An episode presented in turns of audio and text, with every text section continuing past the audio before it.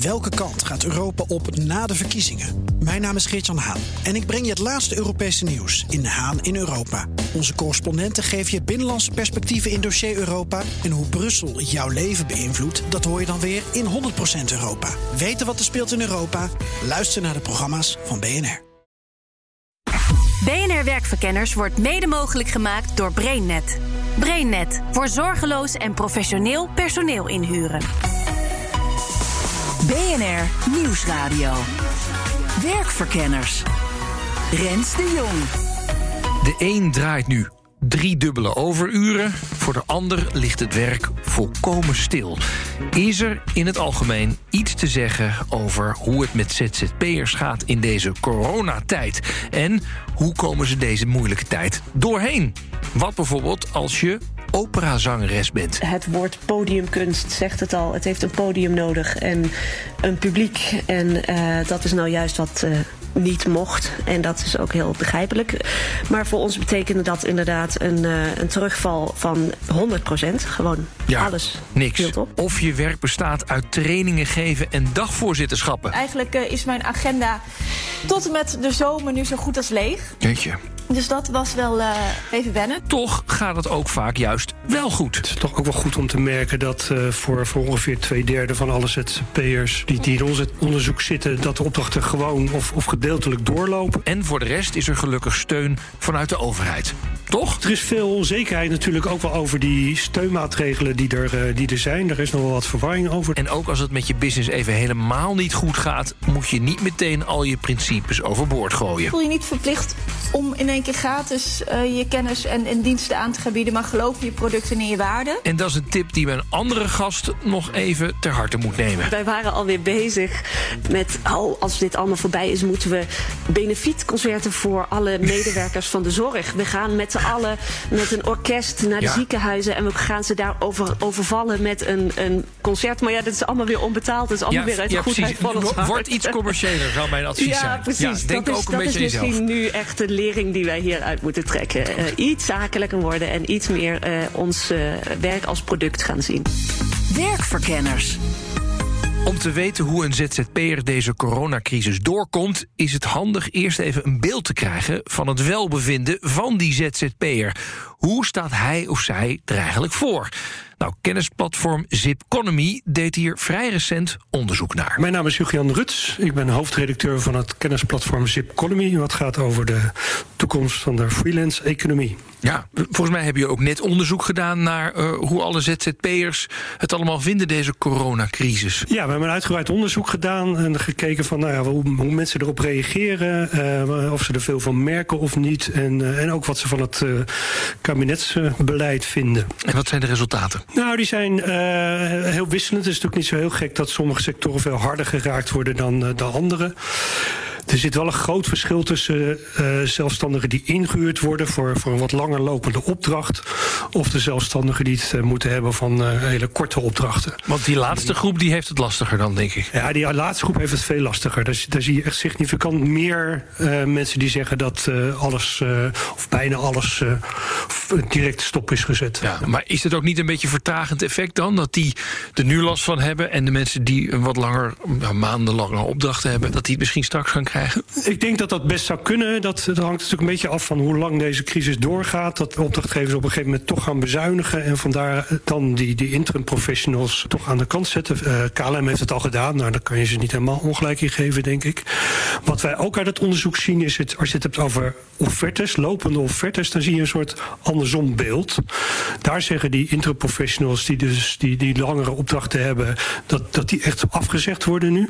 En bij de uh, zelfstandigen die het van de korte opdracht moeten hebben, dat het vooral uitgesteld is. Ja, je kunt natuurlijk wel een beetje gokken in welke sectoren uh, geraakt zijn en welke druk zijn. Ik kan me zo voorstellen dat, laten we zeggen, de, de logistiek en de zorg het best druk heeft.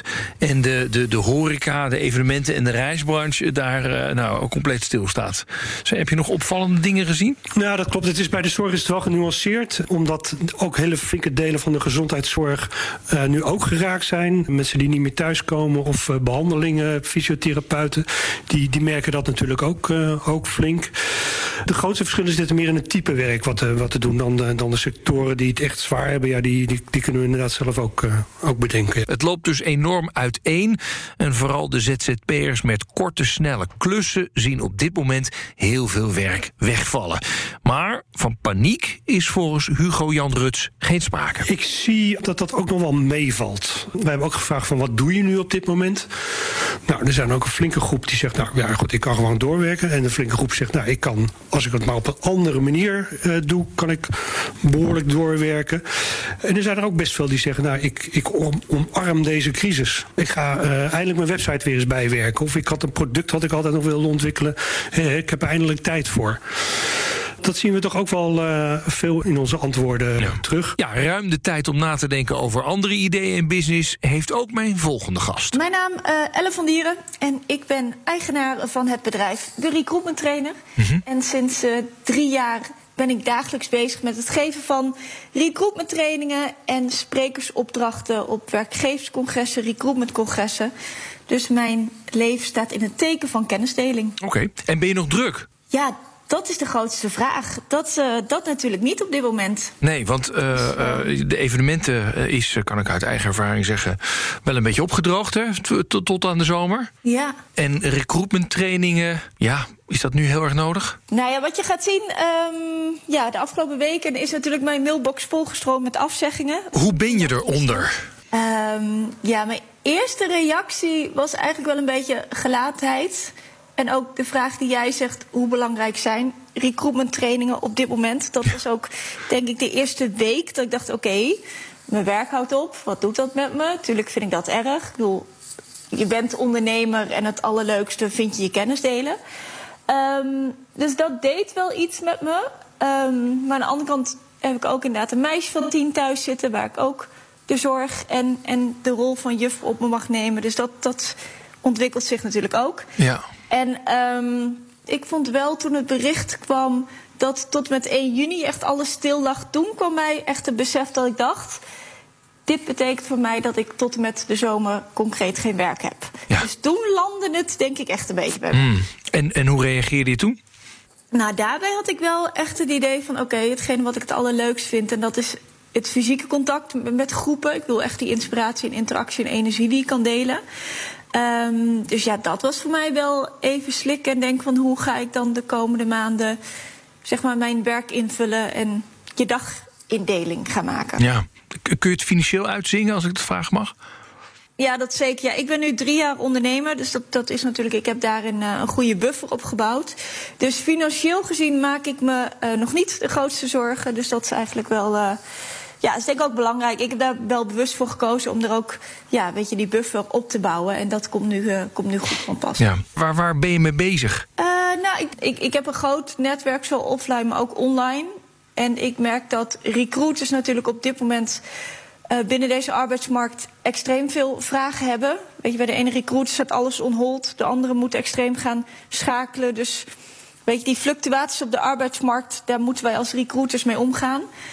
Um, dus ik merkte wel dat er enorm veel vragen waren vanuit mijn netwerk. En ik dacht van hoe kan ik zeg maar daarop inspelen en ze nog wel steeds een bijdrage leveren met mijn kennis. En kom je daaruit? Ja, nou, daar kom ik wel uit. Ik, ik heb voor mezelf um, wel, wel, eigenlijk mijn eigen community gebouwd. Met um, weet je, een wekelijkse nieuwsbrief waarin ik uh, mijn community uh, kennis deel. En ze heeft een Instagram-cursus ontwikkeld waarmee ze al die vragen van recruiters probeert te beantwoorden. En ook de podiumkunstenaar zoekt naastig naar manieren om haar tijd anders in te vullen en daar liefst nog wat mee te verdienen. Mijn naam is Maartje Ramelow en ik ben operazangeres en zangdocent. En uh, ik begreep dat jouw man uh, ook iets in de opera doet. Klopt dat of niet? Ja, hij is exact hetzelfde, maar dan de mannelijke variant. En um, jeetje, dan zit je uh, uh, dubbel naar. Wij mogen nog wel met elkaar muziek maken, maar um, ja, daar houdt het een beetje mee op. Daar kunnen we een filmpje van maken en online zetten, maar dat ons vak uh, houdt verder een beetje op. Ja, want theaters gingen best snel dicht hè, na, na die uh, oproep van uh, Mark Rutte. Was het ja. ook meteen klaar voor jou qua werk? Ja, begrijpelijk natuurlijk. Um... In, in een paar dagen tijd? Ja, dat ging heel snel. Ehm, mijn zus is uh, journalist in China, dus ik uh, zag het wel al een beetje aankomen. Dus was er mentaal enigszins op voorbereid. Maar um, ja, wat doe je eraan? Ja. je kunt het in je eentje niet, uh, niet uh, afwenden. Nee. En uh, was dit ook het hoogseizoen voor jullie of niet? Ja, dat is het grootste probleem, denk ik. Zeker in mijn sector van de podiumkunsten, namelijk de klassieke muziek is juist het voorjaar uh, en dan in het bijzonder de passietijd. Hè, dat, dat noemen we de weken voor Pasen, waarin alle Matthäus Passionen en uh, Johannes Requiem, uh, dat soort concerten worden gegeven. Alle amateurkoren die dat soort concerten geven, die moesten natuurlijk ook alles cancelen.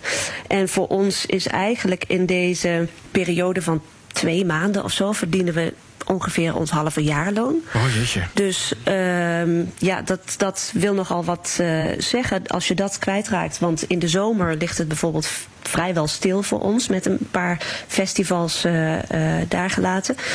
Dus wij, wij moesten dit geld gebruiken om de zomer door te komen. En dat ja, dat gaat nu niet meer gebeuren. Nee. Even, even vooruitkijken, want dit, dit is allemaal gesloten tot 1 juni sowieso.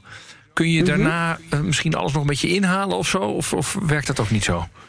Nee, ja, dat is het, het lastige. Kijk, dat kan ik me voorstellen bij een, bij een horecagelegenheid of een kapper. Ik denk dat op het moment dat de deuren weer open gaan, dat iedereen dolblij is en uh, zich meteen laat knippen en een biertje bestelt. Maar uh, bij ons is het natuurlijk uh, zo dat je aan het repeteren bent, een hele lange periode, voor die concerten, voor die producties. En als je niet hebt kunnen repeteren, is er ook niks uit te voeren.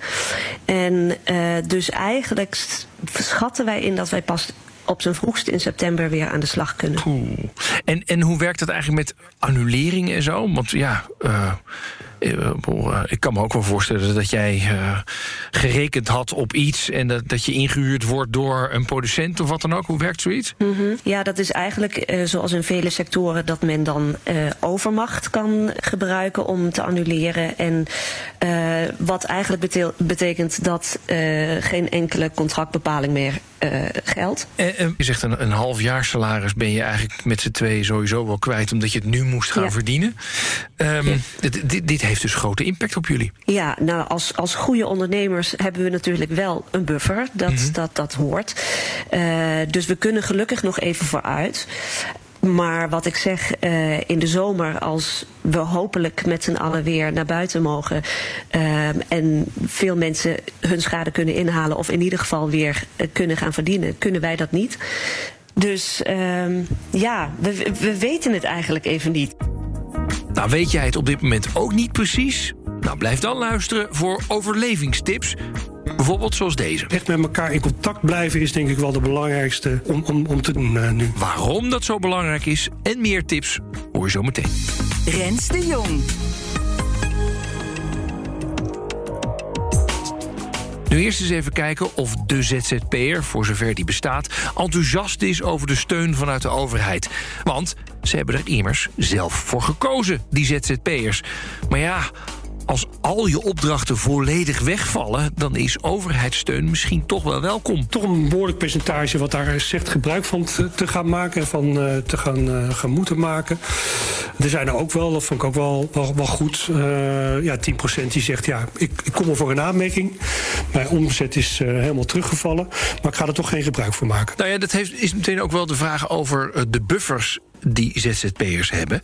Hebben ze voldoende buffers? Het is heel gespreid.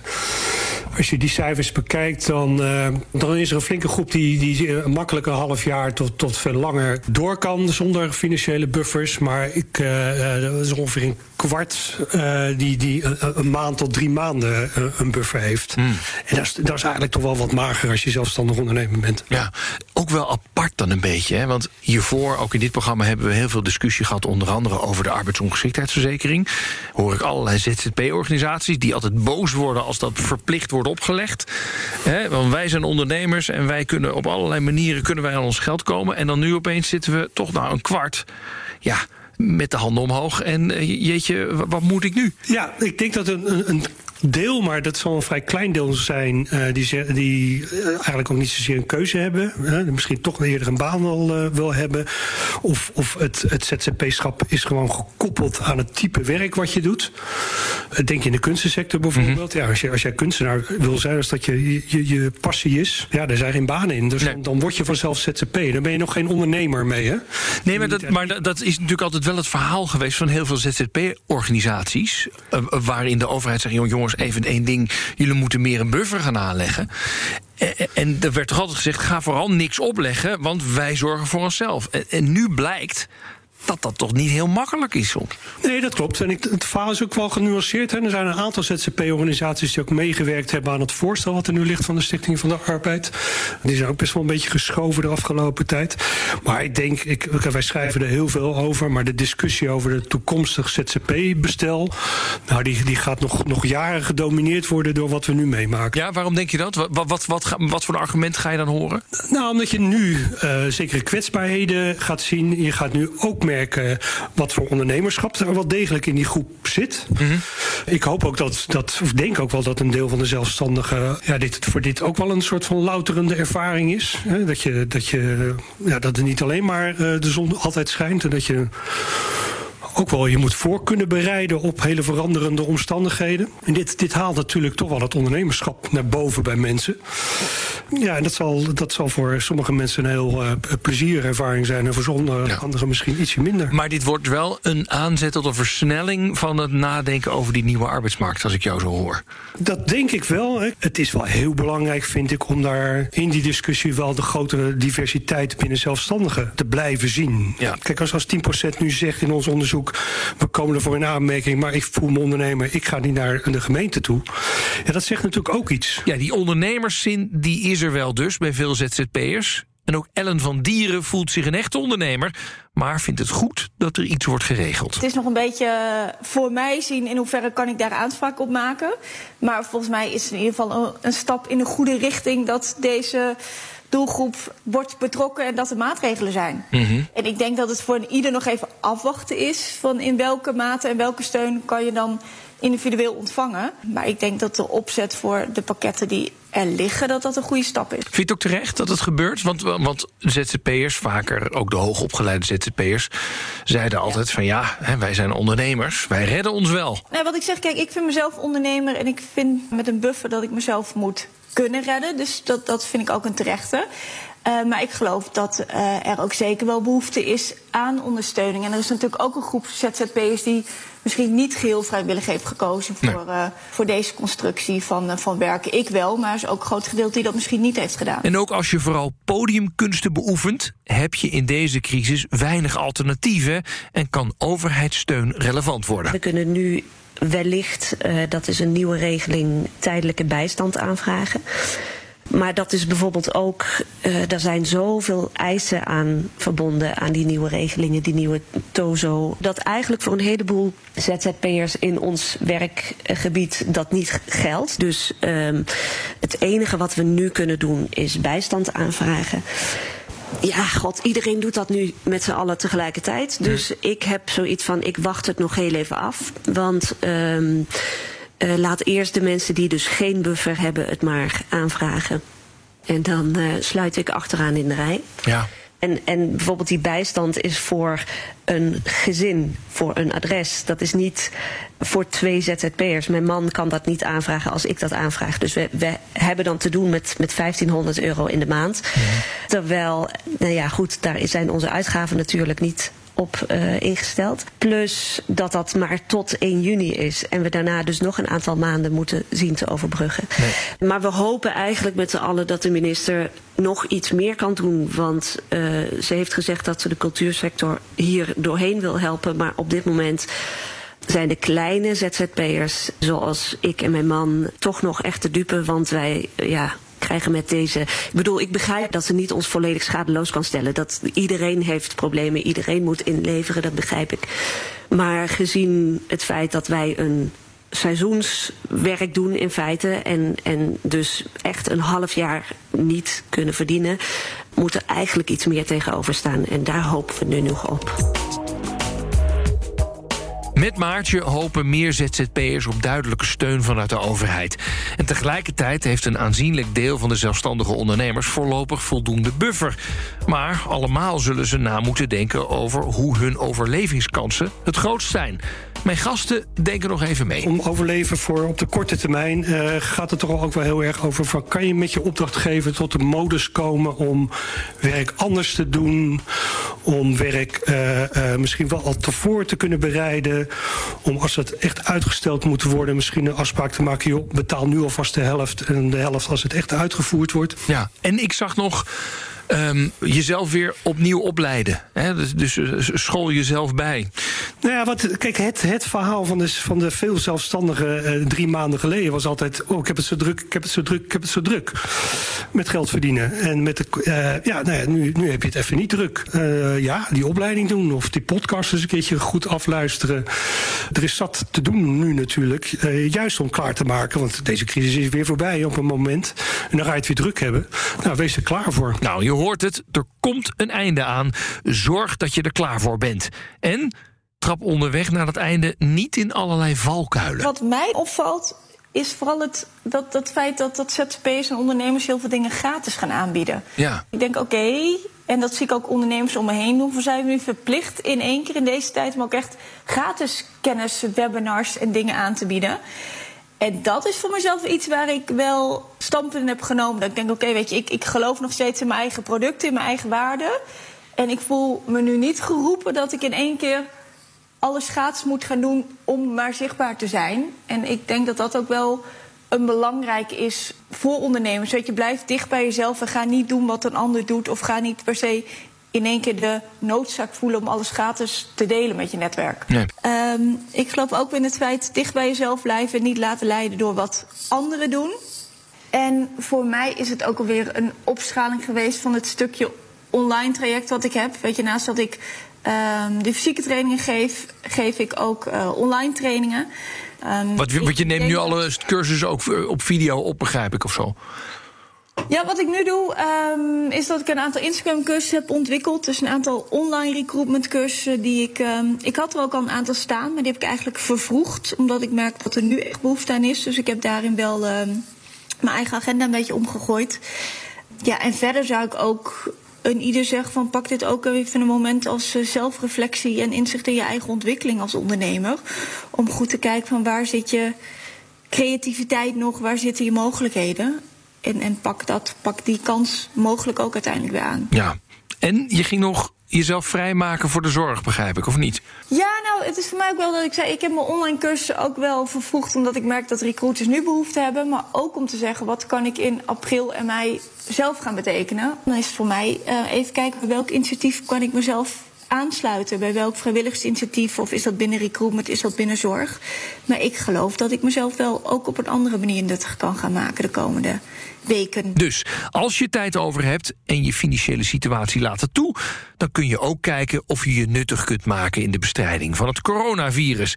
En wat ik ook telkens terughoor, neem de tijd om na te denken over wat je nog meer zou kunnen doen. Dat ervaart Maartje ook. Het is ook wel echt leuk, want je leert ook nieuwe dingen waar je normaal gesproken uh, helemaal niet mee in aanraking komt. Dus ik, ik, en ik, ik heb ook echt wel hoop dat dit voor nieuwe ideeën zorgt. Want wat, wat, maar, wat leer je nog? Wat, wat zijn dingen die je nu hebt geleerd? Nou, ik, ik ben mijn apparatuur die ik al had, want we hebben natuurlijk geen geld om nu nieuwe dingen te nee. kopen, maar ben ik tot in de, in de vezels aan het uh, ontdekken en wat, wat wel en niet kan. En, en met mijn opnameapparatuur apparatuur. En ik ben heel veel aan het lezen en aan het uh, uitproberen. En zo af en toe komt er iets heel geinigs. En dan uh, gooi ik het weer op internet. En, uh, dus je blijft op zich wel bezig, ja. wat dat betreft. Nou, bezig blijven is niet het probleem voor de ZZP'ers die ik spreek. Maar of die bezigheden ook zorgen dat je het overleeft...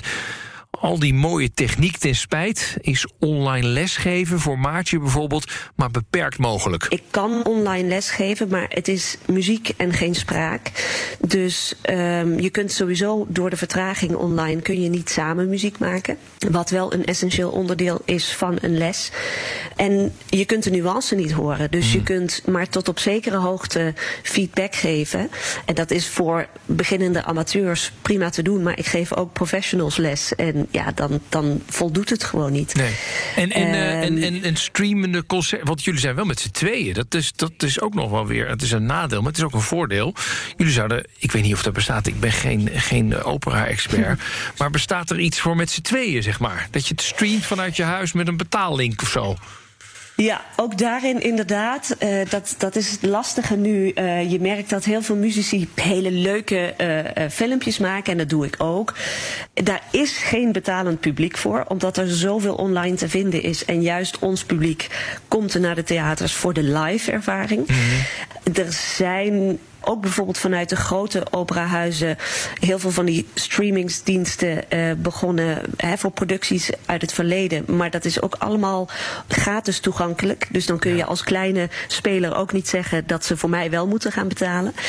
Dus het is meer als gimmick en als reclame dat je dit kunt doen dan dat je daar echt iets mee verdient. Ja, ja. En, en ook natuurlijk uit saamhorigheid en uit uh, het idee van ja, de muziek en, de, en uh, de kunst moet voortleven.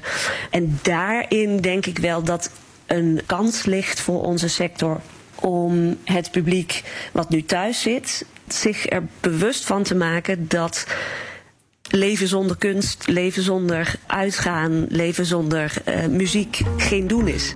Nou, als de coronacrisis oplevert dat mensen zich realiseren dat kunst niet gratis is en dat je ook niet zonder die kunst in die muziek kan, dan is het wel weer winst.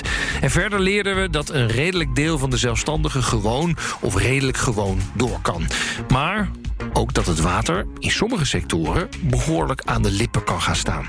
Veel ZZP'ers willen eigenlijk liever geen gebruik maken van overheidssteun. Maar ja, vinden het wel belangrijk dat er regelingen zijn.